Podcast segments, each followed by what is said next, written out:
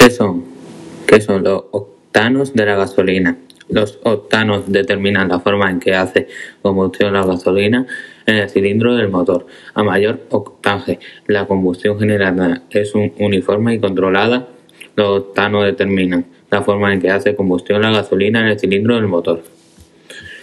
El grado de octanaje mide la capacidad de la gasolina para resistir el golpeteo del motor, un tracateo o sonido mecánico generado por la ignición prematura de la mezcla comprimida de combustible y aire en uno o más de los cilindros del motor.